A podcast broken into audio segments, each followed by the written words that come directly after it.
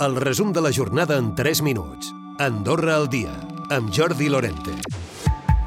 Resoldre el problema de l'habitatge és un dels reptes capdals que les administracions han de gestionar immediatament, un aspecte que, segons els experts, topa amb el creixement econòmic. De fet, segons el Col·legi d'Economistes, si el país vol seguir creixent, hi haurà gent que no hi podrà viure pel preu dels lloguers. El president d'aquest Col·legi d'Economistes és Eduard Jordi.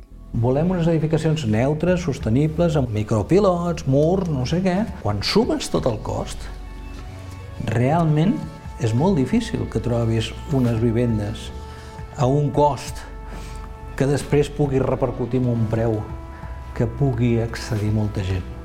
El PC torna a demanar al govern sobre les empreses que van rebre crèdits tous durant la pandèmia. En una pregunta escrita reclama la publicació de la xifra, tenint en compte que es tracta de diners públics.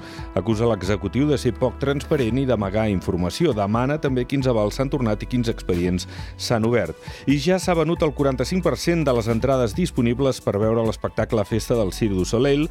La xifra suposa prop de 36.000 localitats, entre les que s'han comprat individualment a través de la web, com també les reservades per part del sector turístic. Un ritme de venda similar a la de l'any passat per aquestes dates. Els estrangers que s'estableixen a Andorra van augmentar l'any passat, així com les persones que van marxar. Tot i això, el saldo migratori va continuar sent positiu, ja que la immigració va ser superior a la migració. De fet, recupera valors d'abans de la pandèmia. La diferència és de 1.880 persones, un 34% més que el 2021. D'altra banda, disminueixen els residents que sol·liciten la nacionalitat andorrana. La dada de l'any passat és la segona més baixa dels darrers 20 anys, just després de la del 2020, en la pandèmia de la Covid. En concret, 961 persones van sol·licitar el passaport l'any passat. És un 7% per sota de les peticions del 2021 i pràcticament un 45% menys que les de fa dues dècades. Les denúncies per phishing suplantant Morabanc ja superen la vintena. Els perjudicis econòmics podrien ser d'uns 100.000 euros. L'entitat bancària segueix alertant de l'existència de missatges SMS falsos que pretenen confondre els clients per poder-los defraudar i Andorra posarà en marxa una prova pilot amb un assistent virtual de suport a pacients amb càncer de mama.